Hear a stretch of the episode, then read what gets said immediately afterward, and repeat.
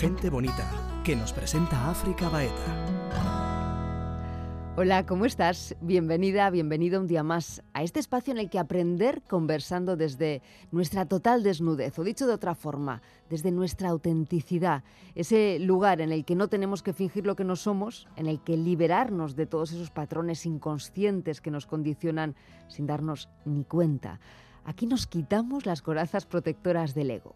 Y hoy te reto a hacerte una pregunta. ¿Cómo te llevas con tus voces internas? ¿Eres consciente de ellas? ¿Conoces bien a todos esos personajillos que te habitan y que siempre dicen algo a cada paso que das? De ello vamos a hablar con Amiel Elía, profesor de mindfulness, coach y buscador nato. Amiel nos invita a ser los creadores de nuestro propio jardín mental. Las semillas, los pensamientos que más riegues serán los que más crecerán, porque no lo olvides, somos lo que pensamos. Así que tú eres el único, la única que decide cómo construir su propia vida.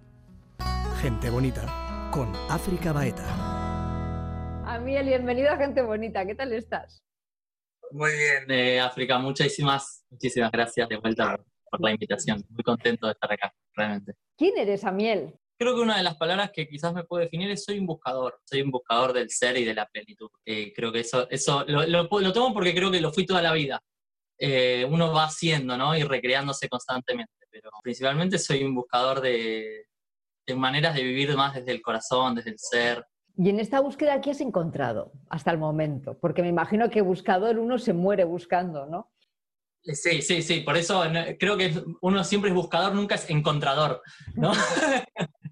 ¿Qué encontré? Bueno, yo tengo, tengo 30 años, vivo en Buenos Aires y, y en esta corta y larga vida a la vez, encontré que, encontré que las respuestas están mucho menos en la cabeza de lo que mi tendencia natural eh, hubiera dicho. Voy encontrando y reconfirmando constantemente que la cabeza es algo que está muy condicionada, que, funciona de manera automática y que soy más feliz cuando más me, me atrevo, porque encuentro que requiere mucho coraje, eh, me atrevo a, soltar la cabeza y, permitirme transitar la incertidumbre de la no respuesta y del seguir la intuición, por más que parezca que no, tiene certezas. Eso me hace ser más feliz y me lleva a, puertos mucho más abundantes y ricos y, verdaderos que, todo lo que aparece acá. Acabas de decir un montón de, de tesoros y de joyas donde rascar, pero antes de nada, ¿cuál fue el punto de partida de la búsqueda? Quiero decir, ¿qué te llevó a buscar?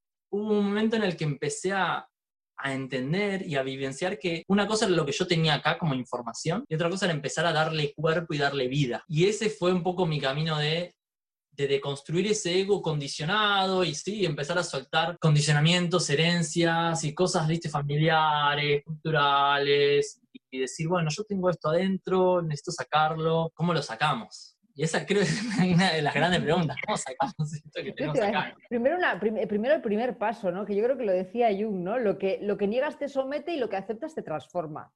Una vez lo aceptas, empieza la transformación. ¿Y cómo lo sacamos? ¿Y cómo nos liberamos de todas esas etiquetas? ¿Y cómo conectamos con nuestra autenticidad? Porque al fin y al cabo me estás hablando de tu autenticidad, ¿no? O sea, de vivir, has dicho antes vivir desde el amor, que al fin y al cabo es vivir desde tu parte auténtica y verdadera uno de los paradigmas más, una de las cosas más hermosas del paradigma que nos trae la meditación es la aceptación radical. Soltar el querer que las cosas sean de una manera y empezar a simplemente observarlas. Y es muy curioso porque constantemente, eh, y a mí me pasa, y, la gente con la que trabajo que me traen estas cosas, como, ay, esto, que me pasa esto, y no hay como una pelea con lo que uno es o con lo que el ego es. Eso se va, se va a empezar a transformar solo, solamente tenés que observarlo. Y no te pelees con eso, no quieras que se vaya, acepta que está ahí y observalo con compasión. Y se transforma.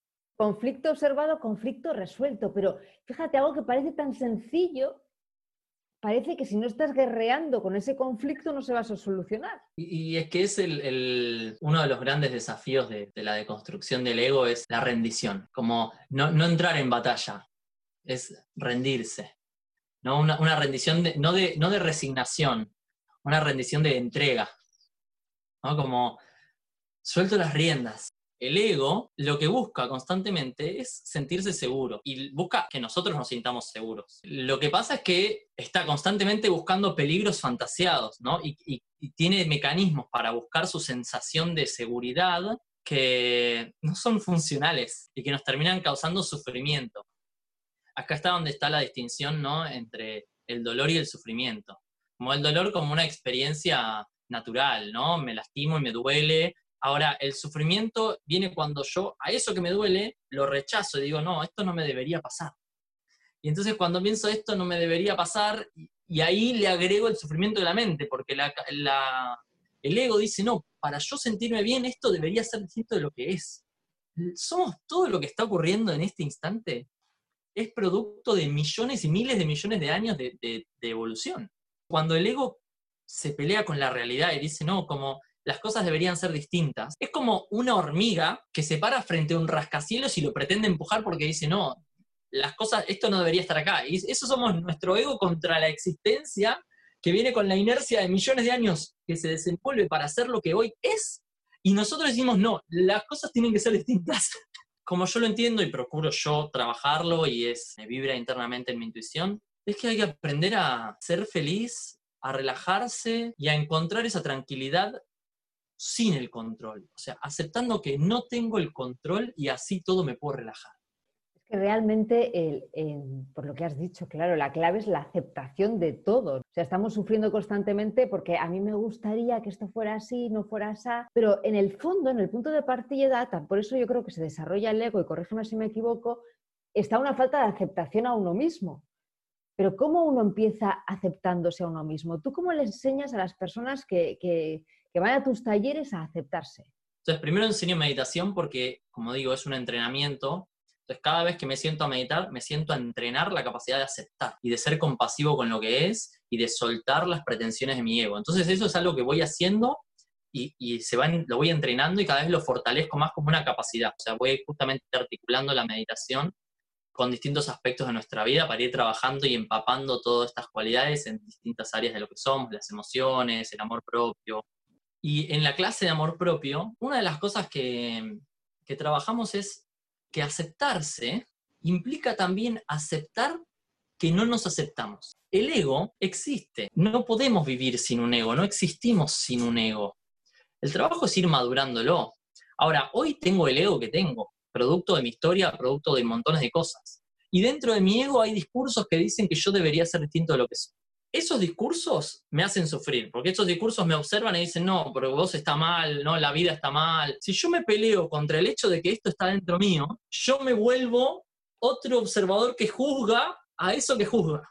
Eh, desde el ego me amo cuando soy lindo, me amo cuando me va bien, me amo cuando consigo algo, cuando soy exitoso, necesito, o sea, tengo que ser, estar en alguna posición para entonces ahí me amo. Ahora, desde la perspectiva del ser, yo creo que nos amamos a partir de no ser. Es decir, yo observo todo eso que en esta vida de carne y hueso, entre comillas, soy, alcancé, logro, mi cuerpo, mis, mis éxitos profesionales, familiares, observo todo eso y entiendo que yo no soy nada de todo eso y entonces me amo. Entonces, desde esa perspectiva, lo que me gusta, lo que no me gusta, lo que mi ego le parece que debería cambiar y todo eso, pasa a ser parte de la misma imagen de lo que no soy. Entonces puede ser amado y abrazado. Pero ¿cómo hacer eso sin mente? Porque tú te puedes mandar al mensaje y decir, no soy nada de eso y me amo sin esa identidad. Mira, se me ocurre ahora, se me viene una imagen. Yo, yo no sé lo que es la vida, ¿viste? Somos una flor y bueno, el ser es, una fragancia. Un, aroma lo, sentís, pero es fugaz.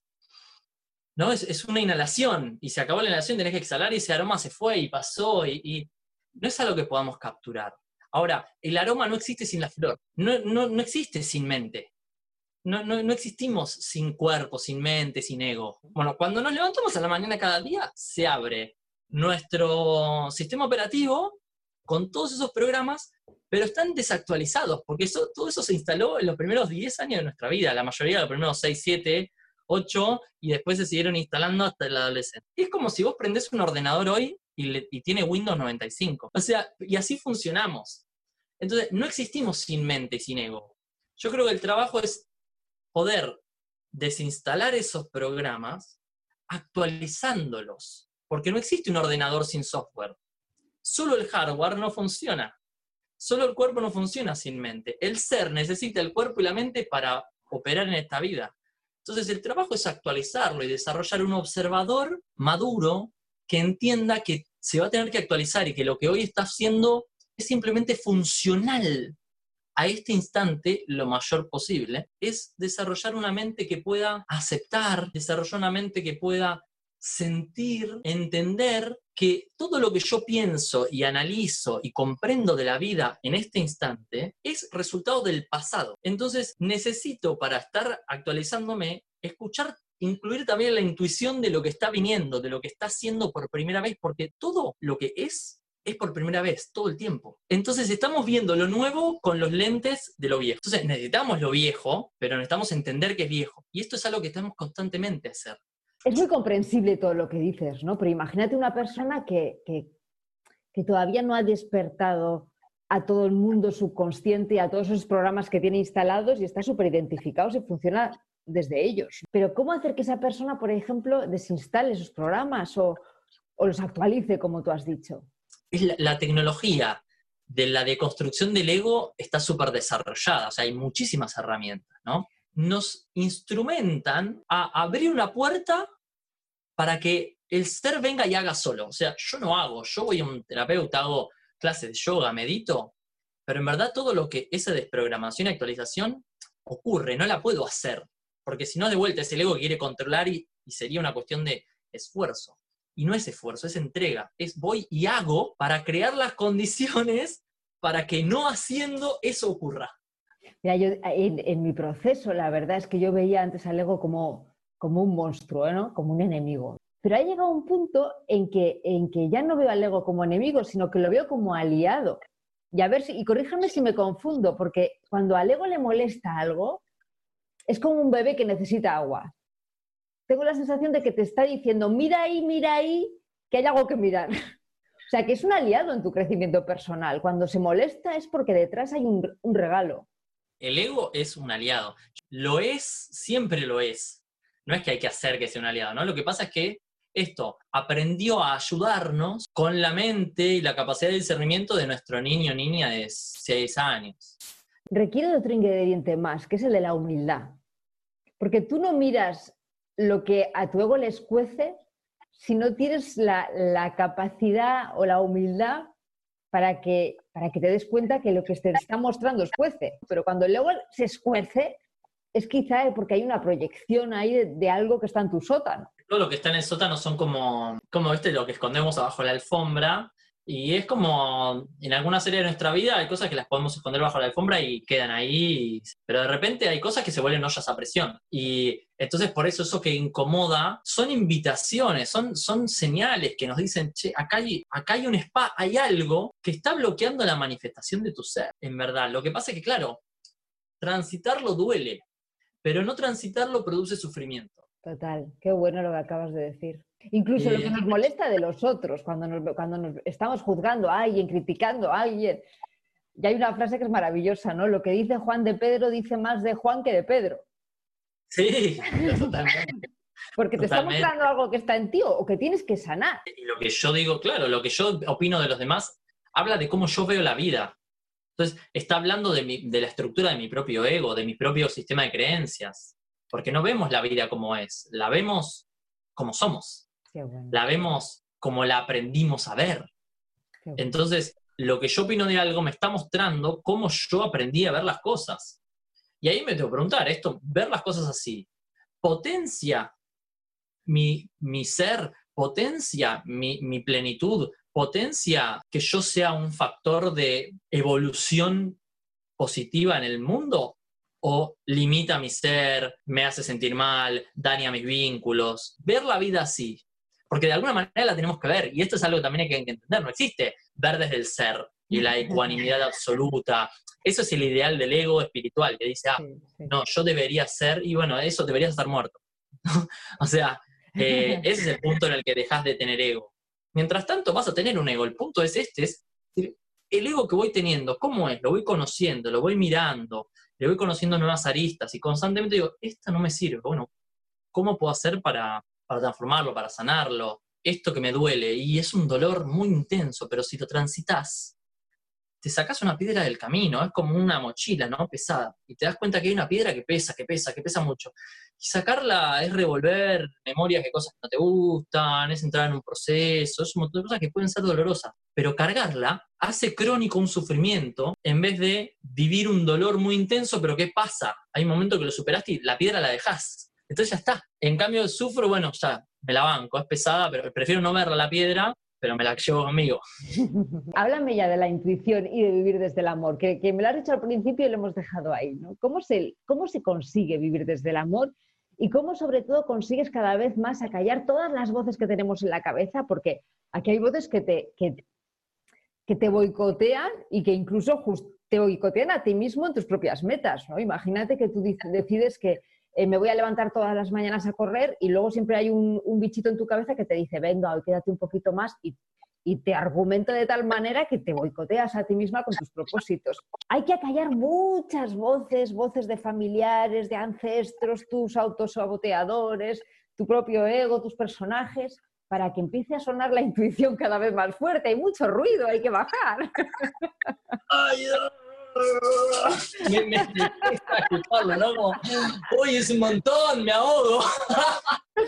Imagínate, hay que bajar el volumen a todo eso para empezar a escuchar cada vez más a la intuición, que para mí, para mí, que puedo estar confundida, pero para mí es la única verdad. Una intuición viene y te, te aparece con una verdad, pero es una verdad del hoy. La intuición te dice, el siguiente paso es este. No te dice lo que va a pasar de acá a 10 pasos. Te dice, el siguiente paso es este. Y vos, tu ego se muere, está muerto de miedo, le tiembla las patas, así como, pero después, ¿qué va a pasar? Pero si doy ese paso y pierdo todo lo que tengo, ¿no? ¡ah! Eh, hay un poema hermoso de Fernando Pessoa que se llama La curva del camino. Habla de esto, de que no, nunca podemos ver lo que hay más allá de la curva. En el camino hay una curva. Y no puedo saber lo que hay después de la curva. Solo sé que antes de la curva hay una curva. Y hasta que no vaya y transite la curva, no hay manera de que sepa lo que hay del otro lado de la curva. Y el camino de la vida es curva tras curva, tras curva, tras curva. Y hay que confiar en que después de esta curva voy a tener los recursos internos y la intuición para saber hacia dónde volver a girar después. Pero antes no lo puedo saber.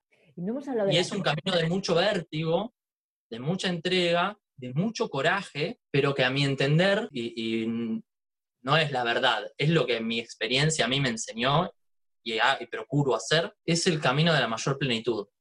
Da mucho miedo, pero lleva a, estados internos de mucho más este, plenitud que, que las falsas certezas del ego. Vivir desde el amor está muy relacionado justo con lo que estás diciendo tú, ¿no? Cada vez escuchar, como hemos empezado esta conversación, cada vez escuchar menos a la mente, cada vez escuchar más a tu intuición, que otros le dicen que se escuchan al corazón. Bueno, yo me formé con Daniel Taropio, que es un gran maestro, y aprendimos mucho de la perspectiva de Norberto Levi, que es un psicólogo que habla mucho de las emociones y tiene, mm, habla de la, el asistente interior, o sea, de nuestro, esto, estas voces que tenemos adentro pueden ser, vamos a decir, aspectos internos, o a mí me gusta decirlo como personajes, que parece que nos quieren sabotear, pero en verdad no nos quieren sabotear, siempre nos quieren cuidar, siempre tienen una intención positiva. Lo que pasa es que su modo de cuidarnos como todo lo que vengo diciendo, es inmaduro. Es, si yo cuando tenía seis años, para que no me peguen en mi casa, por ejemplo, tenía que callarme la boca y no me podía enojar, o no podía llorar, o no podía reír, mi manera, la manera de cuidarme de ese personaje es no me permite ser feliz, no me permite reírme, por ejemplo, porque en ese momento si yo me reía, en mi casa me pegaban. Entonces parece que hay un personaje saboteador que no quiere que yo sea feliz. No, quiere que, quiere que sobreviva. Todas esas voces más que acallarlas, lo que a mí me, me, me, permitió evolucionar y trabajar con esas voces fue desarrollar nuevas voces compasivas que primero puedan escuchar a esa voz aparentemente saboteadora para conocerla, para decir, che, a ver, en vez de querer que te vayas, en vez de querer que te calles, en vez de rechazarte, te abro el corazón y te escucho. ¿Por qué, ¿Por qué estás adentro mío? ¿Qué es lo que en el fondo estás, con qué me estás queriendo ayudar? Y después porque a veces las puedes escuchar y no, y no cambia, ¿no? Su discurso sigue siendo el mismo porque está instalado. Y yo creo que adentro tenemos, es como, es una mezcla para mí la imagen entre los personajes y los personajes conforman un jardín interior. A mí me gusta mucho la imagen de que tenemos un jardín interior, ¿no? Nuestro ego es un gran jardín. Entonces, cuando nosotros escuchamos a esas voces, estamos regando esas plantas del jardín. Las que nos dicen que no servimos, las que nos dicen que nos va a ir mal, las que nos dicen que no, no merecemos amor, la que, todas esas voces que parece que nos tiran atrás, cada vez que las escuchamos, estamos regando esa parte del jardín, entonces esa parte de nuestro ego está fortalecida, porque llevamos toda una vida abonando esa tierra. Hoy en día eh, la ciencia, con el estudio del mindfulness, la, la atención plena, demostró que aquello a lo que nosotros le prestamos atención se fortalece en nuestros circuitos neuronales. Ahora, cuando yo dejo de prestarle atención a algo, muchas de esas neuronas mueren y a lo que le empiece a prestar atención empiezan a crecer neuronas. Sí, o sea, esto es la ciencia hace ya unos cuantos años descubre la neuroplasticidad, que es el cerebro no es algo que se creó una vez en la vida y queda quieto, sino que crecen y mueren neuronas, depende de a qué le prestamos atención. Si yo miro todo el tiempo, escucho y le hago caso a las voces que me dicen, no, por ahí no, no servís, no, no tomes esta decisión, no, no te animes porque ya si fracasás, esa parte de mi jardín se fortalece, todo mi sistema neuronal y biológico del miedo se fortalece, o sea, energéticamente, físicamente, desde el aspecto que lo mires, esto se fortalece. Para mí el trabajo, a mí lo que me ayudó es, no es pelearse con esas voces, es, viste cuando decíamos observar y aceptar, hay un paso más, es yo observo y acepto que adentro mío está esa voz que dice por ahí no, y lo que hago es acepto que estás acá, pero te retiro mi atención. Entonces dejo de regarte y voy a ponerle mi atención y voy a empezar a regar esta parte de mi jardín, estos personajes que me dicen, dale, vos podés, vos valés, esto que tenés le hace bien al mundo, abrí tu corazón, animate que... Y empezar a desarrollar nuevos diálogos internos, no para luchar con los anteriores, porque eso es más sufrimiento, sino para lo que está, está, lo acepto.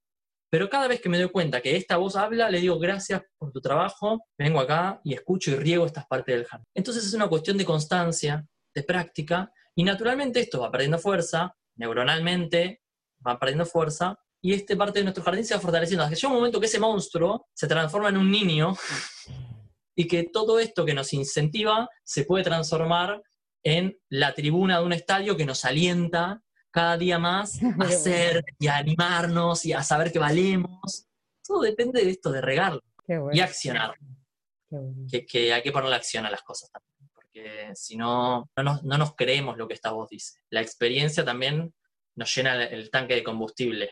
Y volver al centro una y otra vez, porque la vida te descentra. Todo el tiempo. Todo el tiempo pasan cosas que te descentran o estoy lleno de, placeres materiales y me doy cuenta que por dentro estoy vacío porque me di cuenta, o me pasa algo en la vida que me sacude y de un día al otro de repente me encuentro con que lo que tenía no me alcanza y que, estoy necesito algo más y entro en crisis. Y entonces, ok, ese falso eso es lo que se llama la zona de confort. ¿no? Que para mí hay que resignificarla, porque el confort es lindo y, está bueno que vivamos en confort. El, tema son las zonas de falsa seguridad, ¿no? que, es, que es un confort creado porque, ah, el ego se quedó tranquilito. Ahora, es lindo crear un confort, vamos a crear un confort que tenga que ver con el ser, no con un confort que nos dé una seguridad ilusoria. Ese confort de la seguridad es el que hay que soltar para encontrar el centro. El centro es en el que justamente no sé lo que hay después de la curva, no sé ni quién soy, no sé a dónde voy, pero puedo respirar profundo y, descansar. Y, ese es el, el, espacio quizás más maravilloso de la meditación, cuando la mente empezamos a traer nuestra atención a ese punto y eso se fortalece internamente. Decimos, bueno, hay un espacio en el que puedo, puedo no tener certeza de nada, las cosas externamente pueden ir mejor, pueden ir peor, puedo tener más certeza, menos certeza, puedo ser más amado, menos estar en crisis de amor, pero entiendo que todo eso es una ilusión y que no soy nada de todo eso y hay algo más allá de todo eso en lo que puedo descansar. Lo explicas tan bien, te lo digo en serio, ¿eh? incluso lo haces fácil, lo haces fácil y le pones tanta pasión que se nota que, es tu propósito de vida, no porque vibras cuando, cuando hablas de todo esto, ¿no? Y me imagino que estás ayudando o acompañando, mejor dicho, a muchas personas a, encontrar su centro. Sí, tengo mucha pasión por lo que hago, me encanta y, descubrí, y lo digo con, humildad desde el autoconocimiento y no desde creer soy más que, ni más que nadie, ni yo ni más que nadie, pero sí mi tarea, mi propósito es traer todo esto a la practicidad, es, muy lindo conectar con, el ser y, de repente tener una meditación súper profunda en la que me elevo y me conecto con todo. Es hermoso, pero nuestra tarea está en el día a día, está en el vínculo con los otros, el vínculo con nuestras emociones, en cómo resuelvo los problemas que tengo porque soy humano. Tengo un amigo que siempre dice, somos seres y humanos, no somos seres o humanos, somos las dos cosas. Exactamente, exactamente. Entonces, ese puente hay que tenderlo y hay que traer a lo pragmático. Yo soy muy pragmático. Las cosas tienen que ser prácticas, pragmáticas. Bueno, mi madre diría que es porque soy virginiano, ¿no? Yo tengo mucha energía Virgo en mi carta astral, entonces la energía de Virgo es lo pragmático, el día a día, lo cotidiano. Y para mí, mi tarea en mi vida conmigo y comparto con los demás es eso, acompañar a que traigamos el espíritu al, día a día. Y cerramos con el amor, o sea, para, para con el amor que lo trajiste. El amor realmente es querer que el otro sea feliz con lo que el otro es. En mi vida tomé muchas decisiones que le, que le implicaron tristeza a mis padres. O sea, por decirte, me fui de viaje y mi mamá me extrañaba y, se, y lloraba y yo sé que estaba mal. Nunca jamás en cinco años que estuve viajando fuera de Argentina, venía cada tanto a visitar una vez al año o menos, nunca me hizo sentir culpa, nunca me, hizo saber que ella estaba triste, nunca me trasladó eso a mí, y lo pongo como un ejemplo concreto de que siempre los dos en acto y en palabras me, me dijeron, sé lo que te da feliz. Cuando era chico y crecía, y es como capaz le daba miedo que yo me fuera al parque o que hiciera esto, mi trabajo, si eso a mí me hace, me cuesta, es mi trabajo resolverlo conmigo pero tu tarea es seguir tu corazón y ser feliz. Y si a mí eso me cuesta, yo tengo que verlo, no te lo traslado. Y nunca me trasladaron eso. Entonces vivencié desde chico, nací con una idea del amor como Pedro Pastor, es un cantautor, poeta español, y dice en la introducción de una canción, vamos a darle la vuelta a la tortilla del amor. Y vamos a entender el amor como una concesión de libertad. Qué, qué distinto es educar desde el miedo a educar desde el amor. yo te amo y te, te doy libertad. Y eso creo que es, me, se me pone la piel de gallina diciéndolo, estoy muy emocionado. Yo creo que no tenemos que decir nada más a Miel. Es la mejor forma de, ponerle la guinda a esta conversación. Qué bonito, me ha encantado. Gracias. Yo también, de corazón, gracias, eh, África.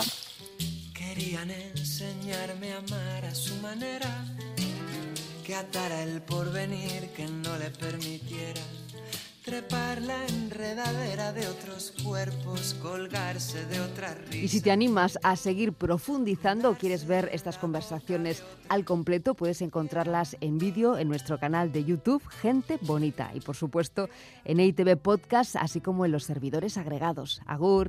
Me habían preparado la cartilla sencilla, decía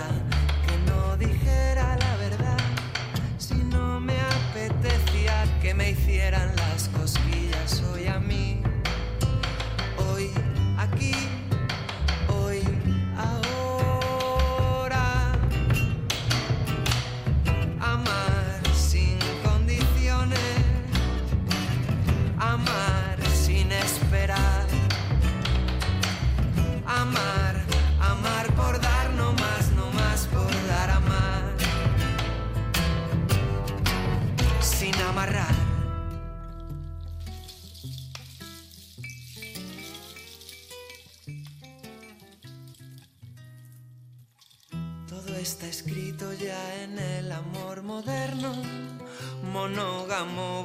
Recluso, incluso enfermo, exento de verdad, tan cuerdo, tan tenaz, cadena de los cuerpos huecos. Que amarse, amistad, brutal entendimiento, concesión de libertad, espacio y tiempo. Que amarse a ternura